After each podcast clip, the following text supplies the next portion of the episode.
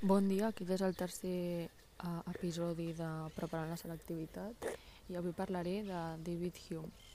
David Hume era un empirista um, que l'empirisme és un moviment filosòfic que es va desenvolupar a la segona meitat del segle XVII i durant el segle XVIII, sobretot a, a les illes britàniques.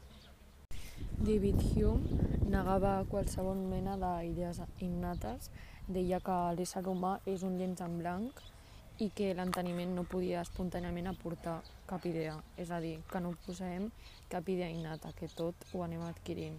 Segons els empiristes, l'únic criteri que ens, ens permet distingir uh, lo veritable de lo fals és l'evidència de la dada sensible. Una idea és veritat quan puc dir de quina impressió prové. Això és el principi de la còpia. Una idea és veritable si aquesta prové d'una impressió. Per exemple, la idea del color blau és certa perquè jo puc assenyalar coses que són blaves, és a dir, que les impressions eh, que em fan adonar-me que una cosa és de color blau fa veritable que el color blau existeix. És com fins que no ho veig, no? Si jo, si, si jo estic veient el color blau és perquè existeix.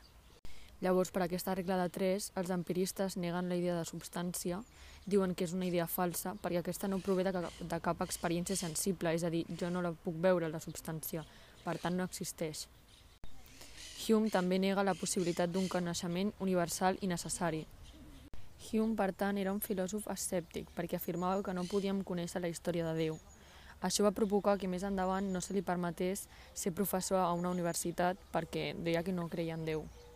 I bàsicament no creia en Déu perquè era una cosa que no pot ser demostrada i que no, com no el veu, doncs no existeix. Per tant, el principi de la còpia significa que només és veritat aquella idea que prové d'una impressió, d'una impressió material. També afirma que el món humà no és el món de les veritats absolutes, sinó un món on les veritats són probables i canviants. Hume també era emotivista. Deia que la raó té un paper secundari a l'hora de realitzar judicis morals, que l'ètica té el seu origen en els sentiments i que en la majoria de les nostres accions ens deixem portar més per les passions que no pas per les idees o la raó. Què era una idea per Hume? La paraula idea només la utilitzava per designar alguns continguts del coneixement i distingia entre impressions i idees. Les idees les obtenem gràcies a la memòria i a la imaginació. Per tant, com les idees provenen de les impressions, són més febles. Les impressions són tot allò que coneixem a través dels nostres sentits. Són primàries, més vives que les idees i sempre veritables, perquè són les nostres percepcions. Per tant, no tenen tanta relació amb la nostra imaginació, perquè les idees sí que les imaginem, però en canvi les impressions són veritables, ja que provenen dels nostres sentits. A partir de la distinció de les idees i les impressions, Hume fa el principi de la còpia, que es formula així. Només són veritat les idees que provenen d'una impressió, és a dir, de l'experiència, de les experiències materials, sensibles. Hume també introdueix una altra distinció entre dos modes de coneixement, les relacions de les idees i les qüestions del fet. Les veritats de la raó, les relacions de les idees, és a dir, el coneixement de les idees sense haver de recórrer a les impressions, són, per exemple, les matemàtiques i la geometria. En canvi, les qüestions del fet són idees que no poden fer referència directa a la impressió, és a dir, que poden ser idees falses, són imaginacions. Són coses no demostrades, són imaginacions nostres o idees.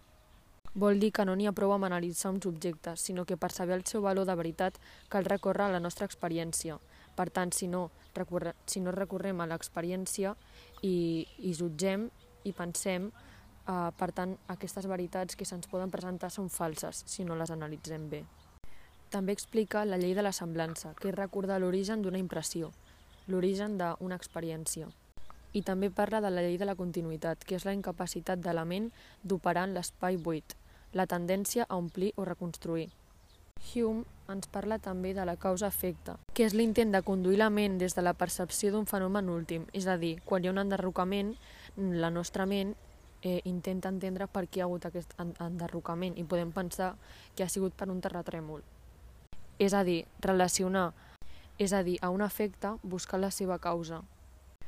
Hume nega també que Déu pugui ser considerat com a causa del món, perquè com ja hem analitzat abans, el concepte de causa per a ell no té sentit perquè només són legítimes i veritables les idees que provenen de les impressions i de l'experiència.